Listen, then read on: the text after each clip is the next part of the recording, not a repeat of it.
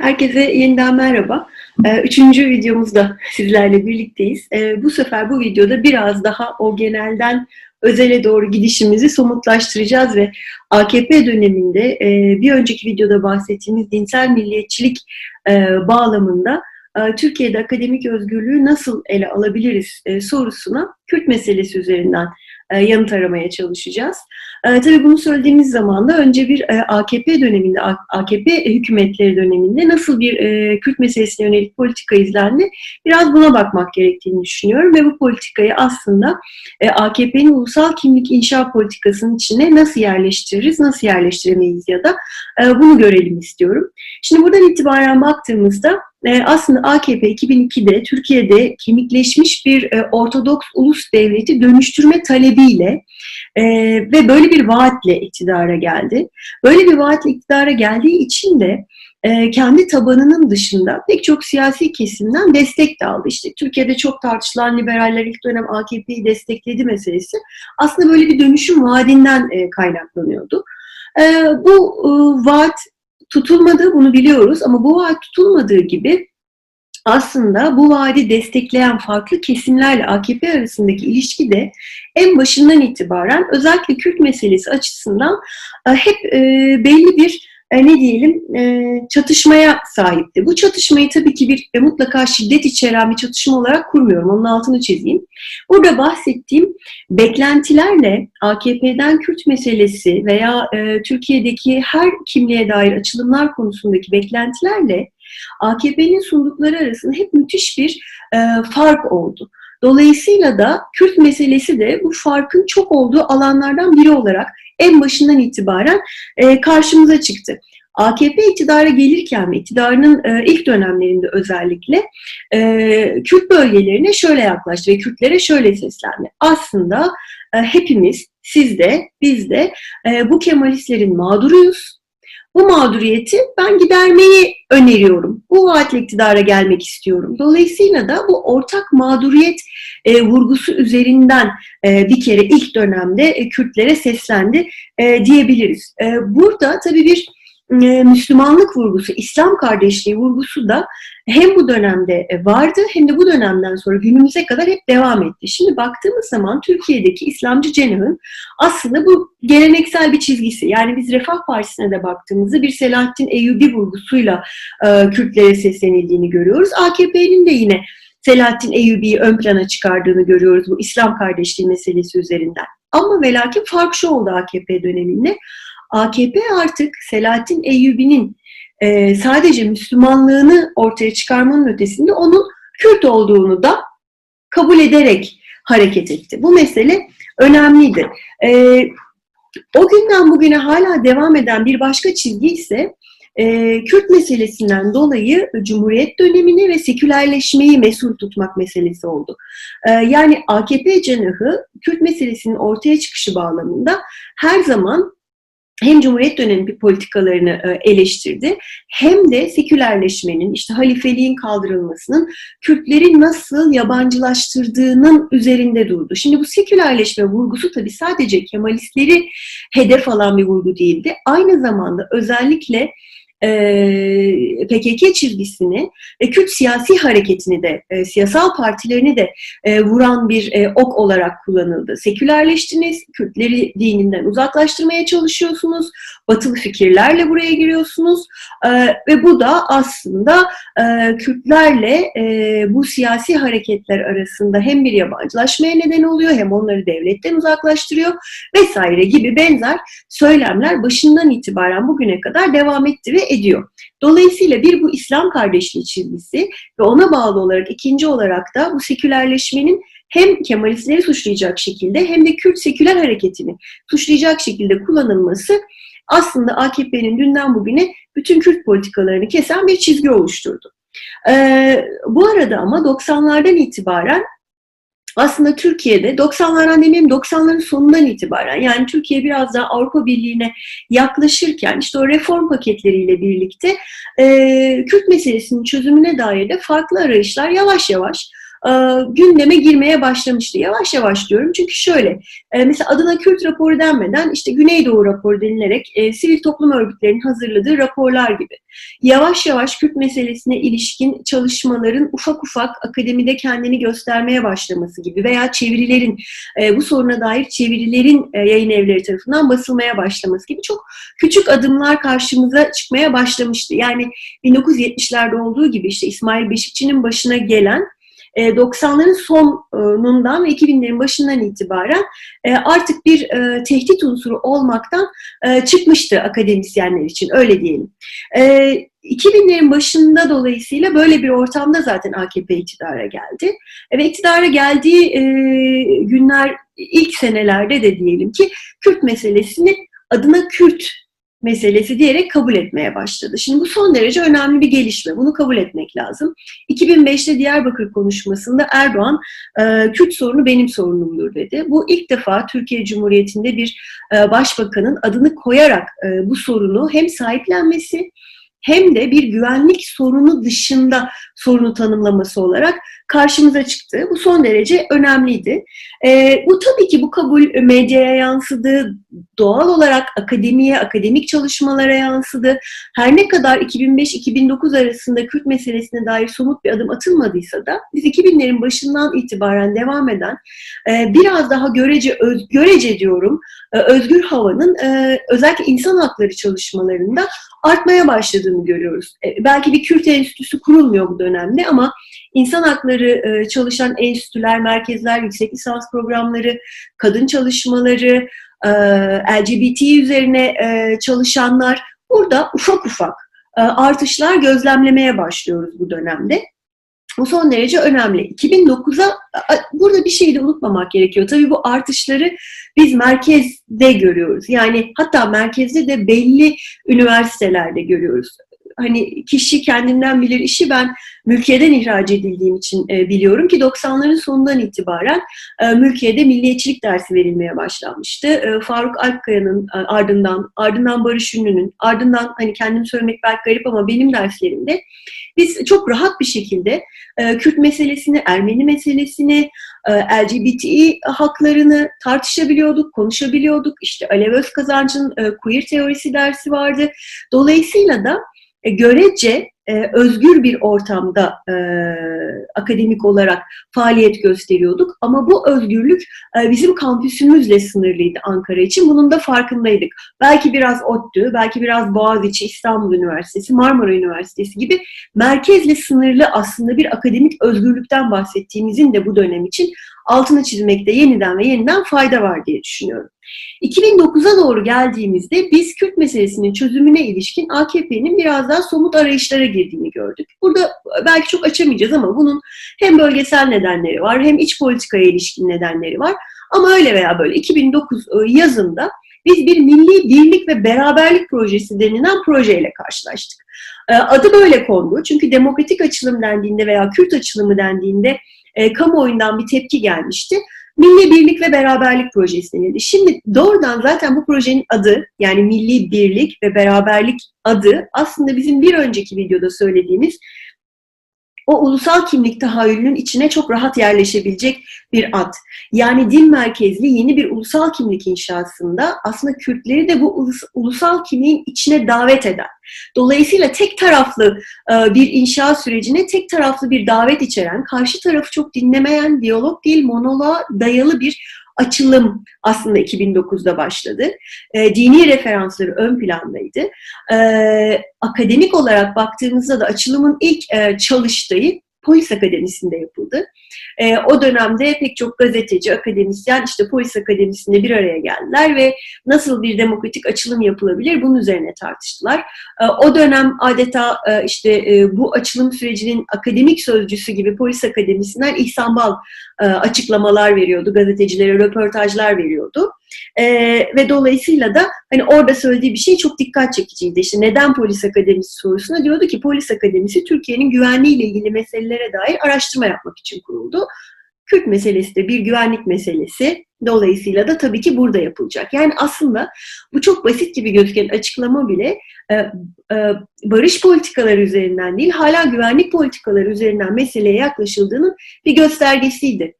Az ama görece gelişmiş e, Kürt meselesine, insan haklarına dair çalışma yapan e, daha eleştirel kurumlara değil, yine hükümet kendisini daha güven altında hissedeceği e, polis akademisinde böyle bir açılımın e, temellerini atmaya başladı. Ama bu ilk açılım, 2009 açılımında çok kısa sürede biliyorsunuz Habur e, nedeniyle çok kısa sürede sona erdi.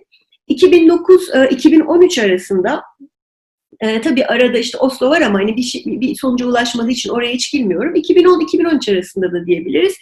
E, resmi söylemde e, Kürt siyasal hareketi, işte BDP çizgisi o dönemde ve PKK aslında e, yeniden e, ötekileştirilen bir dille ve din üzerinden ötekileştirilen bir dille e, medyada, dizilerde e, konumlandırılmaya başlandı. İşte o dönemde Gülen'le ittifakı devam ediyordu AKP'nin AKP'nin Gülen cemaatiyle. İşte dizilerde Şevkat Tepe gibi diziler çekildi mesela. Veya iyi Kürt, kötü Kürt ayrımı e, karşımıza çıktı. İşte iyi Kürt kimdi?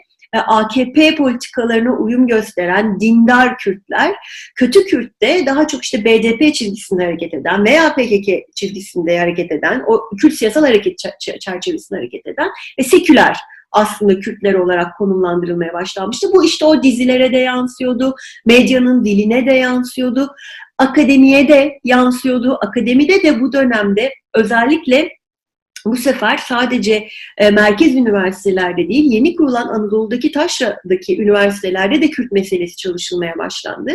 E, ama orada özellikle İslam merkezli bir şekilde e, Kürt meselesini ele alan çalışmalarda da bir artış e, gözlemlendi. Bunun da altını çizmek lazım. Yani resmi ideolojiyle akademi arasındaki ilişki bağlamında bu artışı görmek de e, önemli oldu hepimiz için.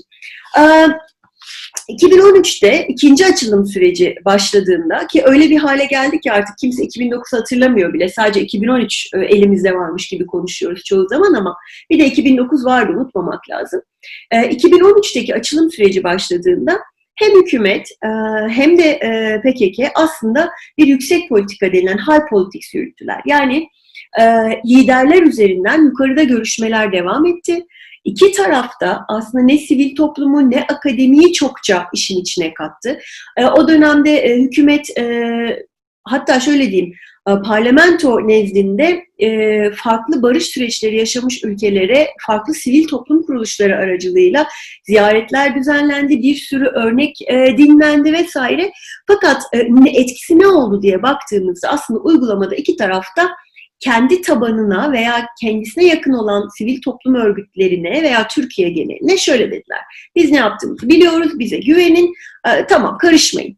Şimdi bu karışmama meselesi yukarıda e, ilişkiler devam ederken aşağıda halklar arasında olması gereken e, güven inşa edici politikaları e, aslında engelledi ya da bir taraftan da oraya hiç bakılmadı. İkisini birden söyleyebiliriz. Dolayısıyla da 2015'te süreç çöktüğünde e, zaten zayıf olan e, güven bağı hepten kopmuş bir şekilde karşımıza geldi. Üstelik de bu 2013-2015 arasında taraflar militer politikalarını zaten bir tarafa bırakmamışlardı. İkisi de bunu biliyorlardı. E, bir negatif barış dönemi vardı. Evet şiddet, ölümler sona erdi. Bu güzel bir şeydi o dönem için ama pozitif bir barışa dair biz o dönemde AKP hükümetinden herhangi bir somut adım görmedik. Bir yasal adım e, ortaya çıkmadı. Nasıl adımlar oldu? Mesela akademiye baktığımızda neleri gördük bu bağlamda dediğimiz zaman zaten hani 2008'de açılmış bir TRT Şeş vardı. 2009'da e, Mardin Artuklu'da yabancı e, yabancı dedim pardon, Yaşayan Diller Enstitüsü kurulmuştu. Kürtçe, Süryanice e, ve Arapça için. E, bu tip e, nasıl diyelim görece bakın ben aslında hoşgörülüyüm. Bir önceki videoda konuştuğumuz hoşgörü kavramını hatırlarsanız ben aslında sizlere karşı hoşgörülüyüm temalı adımlar atılmaya başlanmıştı e, üniversitelerde de. E, tabii ama 2013'ten sonra e, belli bir dönem e, bir tırnak içinde bahar yaşansa da aslında alttan alta bu hoşgörünün bir tahammül olduğu bu yeni açılan kurumlarda da zaten gösteriliyordu. Yani bu bağlamda mesela Mardin Artuklu bağlamında e, Selim Temo Hoca'nın e, Yaşayan Diller Enstitüsü'ne ilişkin yazdıklarına, e, enstitünün hikayesine dair söylediklerine bakarsanız çok, çok açık bir şekilde şunu görürsünüz. Biz burada bir aslında Kürt dili ve edebiyatı üzerine bir şey kuruyoruz ama çok da abartmayalım, mış gibi yapmak üzerinden e, aslında gidiyordu olay. Barış'ın e, toplumsal anlamda kalıcı bir kültüre dönüşmesine dair de bir adım atılmıyordu. Ha ne yapılıyordu? E, yine bu dinsel milliyetçilik e, kısmına döndüğümüzde İslam kardeşliği üzerinden bir helalleşme politikası götürelim diye bir söylem benimsenmişti bu dönemde ama helalleşmenin ne olduğu, hangi bağlamda gerçekleşeceği bile açıklanmadığı gibi somut olarak hayata da geçirilmedi. Dolayısıyla aslında diyalog yerine daha çok e, monolog olarak ele alabileceğimiz hatta tek bir e, diyalog sürecinin olduğu onun dışında hep monoloğun yürütüldüğü e, bir süreçten bahsediyoruz. E, AKP üzerinden baktığımız zaman Kürtlere bir ortaklık çağrısı yaptığını ulusal kimlik üzerinden ama o ortaklığı çok tek taraflı betimlediğini, tanımladığını görüyoruz. O yüzden de çöküş süreci e, bir taraftan da çok büyük bir sürpriz değil. Çöküş sürecinin ardından militer politikalara dönülmesi de zaten büyük bir sürpriz değil. Çünkü o dönemde Kürt tarafı için zaten Rojava yani askeri bir e, süreç devam ediyor. E, Türk tarafı işte kale kollarla vesaire hani o militer gücünün güvenlik politikalarını güçlendirmeye devam ediyor. 2015'te süreç sona erdiğinde bu tabii çok tartışmalı kim başlattı meselesi ama bana sorarsanız kim başlattıdan ziyade iki tarafında gayet rıza göstererek yeniden şiddet politikalarına döndüklerini görüyoruz. Ve 2015'ten itibaren de Kürt meselesine dair e, müthiş bir baskı politikasının akademi üzerinde de müthiş bir baskının hayata geçtiğini bizzat hepimiz yaşayarak e, deneyimliyoruz. Şimdi 2015 sonrasına geçmeden önce e, çok kısa bir araştırma yapayım istedim ben ve 2002 ile 2015 arasında e, Türkiye'de akademik olarak e, ne basılmış Kürt meselesine? Yani adında, e, başlığında Kürt geçen kaç tane makale, kaç tane tez e, basılmış diye baktım. Evet tezlere baktığımızda 2002-2015 arasında bir kere e, çok aslında tahmin edebileceğimiz şekilde 2002'den itibaren tez sayısının yavaş yavaş artmaya başladığını görüyoruz. E, 2002-2015 arasında ama toplam 221 tane yüksek lisans ve doktora tezi yazılmış e, başlığında Kürt kelimesi geçen. Neden başlığında belki Türkiye'yi çok iyi bilmeyenler için söyleyeyim. Kürt kelimesini geçiren hiçbir şey yazamıyordunuz Türkiye'nin akademik özgürlükler tarihine baktığınızda. Dolayısıyla 220'nin e, üzerinde tezin basılması aslında o tarihle karşılaştırdığınızda, İsmail Beşikçi davasıyla karşılaştırdığınızda tabii ki önemli bir adım olarak karşımıza çıkıyor.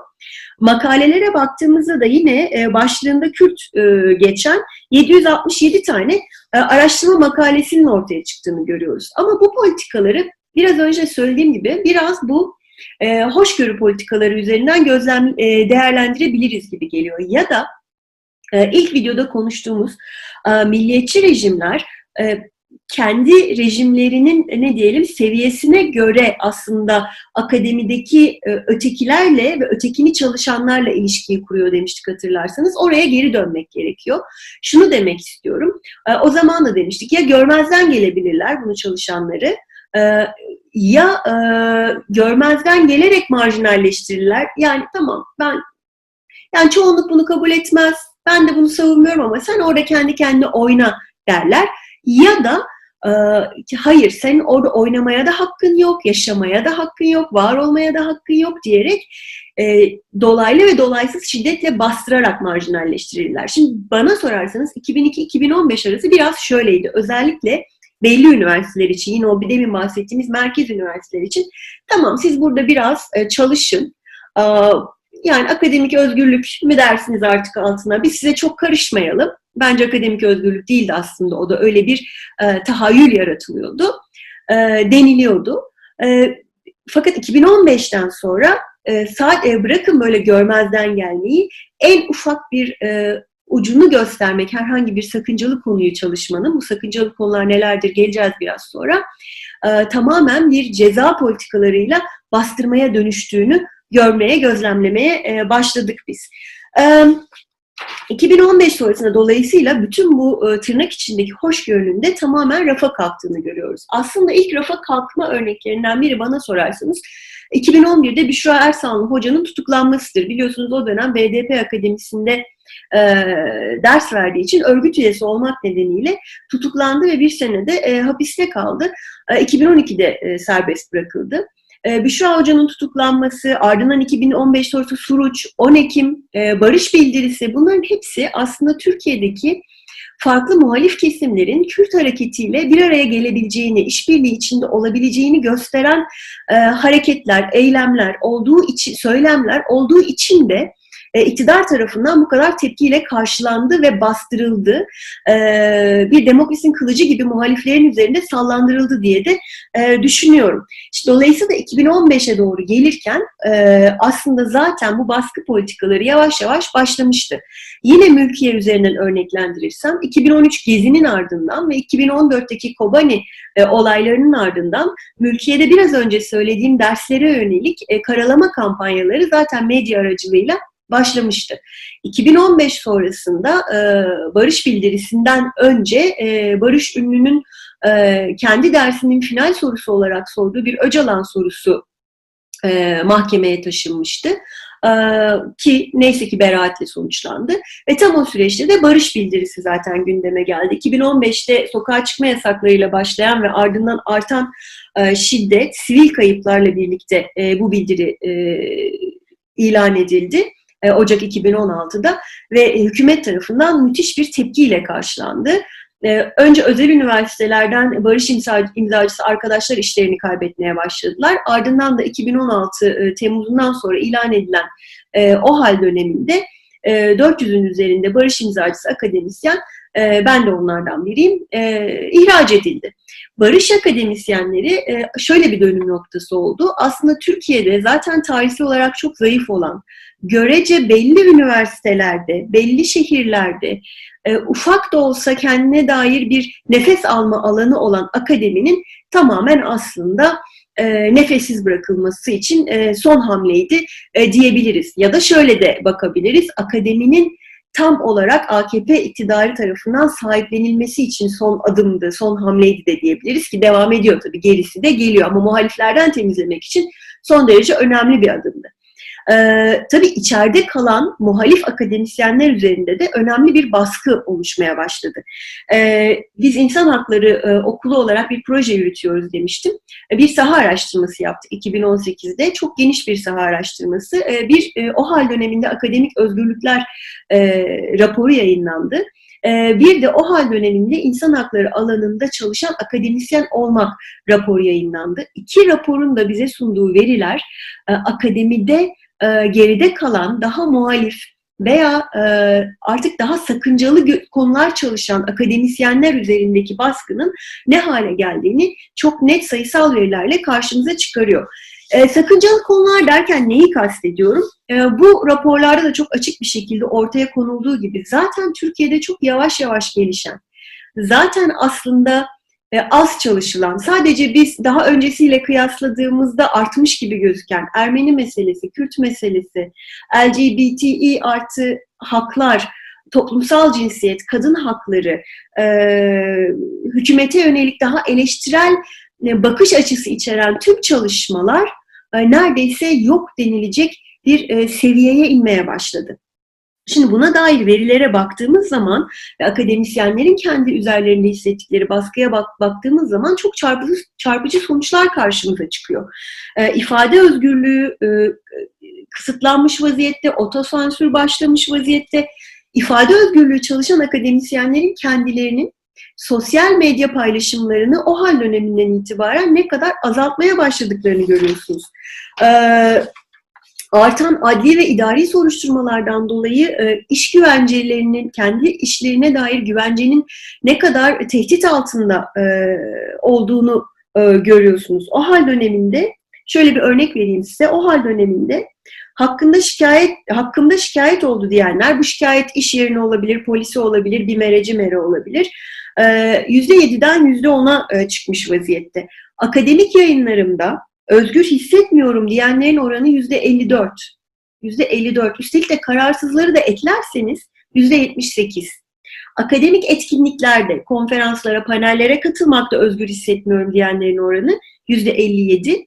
Yine onlara kararsızları da eklerseniz yüzde 78'i buluyor. Dolayısıyla da akademide e, özellikle sosyal bilimlerde, özellikle insan hakları alanında faaliyet gösteren, akademik çalışma yapan akademisyenlerin ya ihraç edildiklerini, ya kendilerini tehdit altında hissettiklerini ya da zaten üniversitelerde veya enstitülerde kendilerine akademik pozisyon bulamadıklarını görüyoruz. Ötekileştirilmeleri de aslında yine ve ceza davalarına maruz kalmaları da barış akademisyenleri örneğinde olduğu gibi yine bir önceki e, videoda bahsettiğimiz o politik ahlak üzerinden gerçekleşiyor ki o politik ahlak aslında Sünni İslam merkezli artı Türklükle kurul, kurulmuş bir ahlak olarak bize sunuluyor. Vatan, millet ve onlara ihanet üçgeninde aslında akademik çalışmalar değerlendirilerek e, ötekileştiriliyor, üzerlerine e, tehdit yağıyor,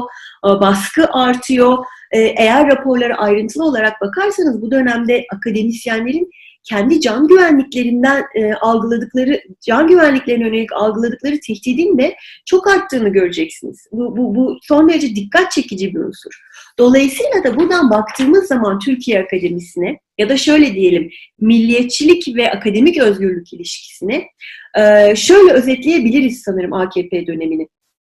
İktidara, iktidara geldiği dönemde evet iktidara gelme vaatleriyle uyumlu şekilde biraz daha özgürlük alanını esnek bıraktığı, o hoşgörü politikaları çerçevesinde biraz daha görmezden geldiği ama otoriterleşme ile birlikte iktidarını sağlama alma politikalarıyla birlikte e, eğitime, bürokrasiye ve orduya sahip olarak yeni bir kurucu iktidar olma hevesiyle birlikte aslında akademi üzerindeki baskıyı da ne kadar arttırdığını çok net bir şekilde görüyoruz. Barış akademisyenleri meselesi bu artan baskının önemli dönüm noktalarından biri ama bu devam ederek gidiyor. Yeni atama yükselme kriterleri, akademisyenlerin herhangi bir organizasyona katılırken hangi konuda konuşacaklarına dair üstlerine e, bildirim verme zorunluluğu gibi pek çok şey aslında e, akademik özgürlüğü Türkiye'de giderek kısıtlıyor ve o aslında pek çok şeyle e, pek çok e, şeyin en tepesindeki de AKP döneminde hala devam eden e, o milliyetçi baskı, o otoriter rejim e, bunu da görmemiz gerekiyor. E, Böyle sonlandırayım ben sözlerimi. E, bu üç e, kısa videoyla aslında biz e, milliyetçilik, akademik özgürlük ve AKP döneminde Kürt meselesi ve akademiyi e, biraz ele almaya çalıştık. Tabii ki bunlar çok özet ve aslında çok kısaltarak ele aldığımız konular. Umarım sizlere önerdiğim makalelerle, kitaplarla vaktiniz varsa ilgileniyorsanız daha da derinleştirme fırsatınız olur diye düşünüyorum. Turkey Beyond Borders e, projesinin içindeki bu e, seminere katıldığınız için, dinlediğiniz için e, şimdiden çok teşekkür ederim. Çok sağ olun.